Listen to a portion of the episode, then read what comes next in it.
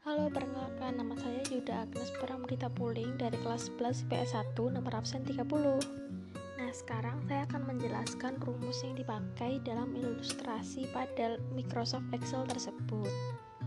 Rumus yang dipakai itu ada dua, untuk mencari keterangan dan mencari predikat. Untuk mencari keterangan sendiri, saya akan menjelaskan rumusnya beserta dengan contohnya. Rumusnya kita pakai sama dengan if kurung buka 15 tanda lebih dari 80 titik koma tanda petik lulus titik koma tanda petik tidak lulus tanda petik kurung tutup. Nah itu adalah rumus untuk mencari keterangan.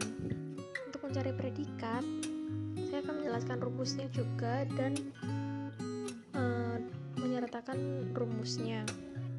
Sama dengan if kurung buka H5 sama dengan 90 titik koma petik 2 sangat baik petik 2 lagi titik koma if kurung buka H5 lebih dari sama dengan 80 titik koma petik 2 baik petik 2 lagi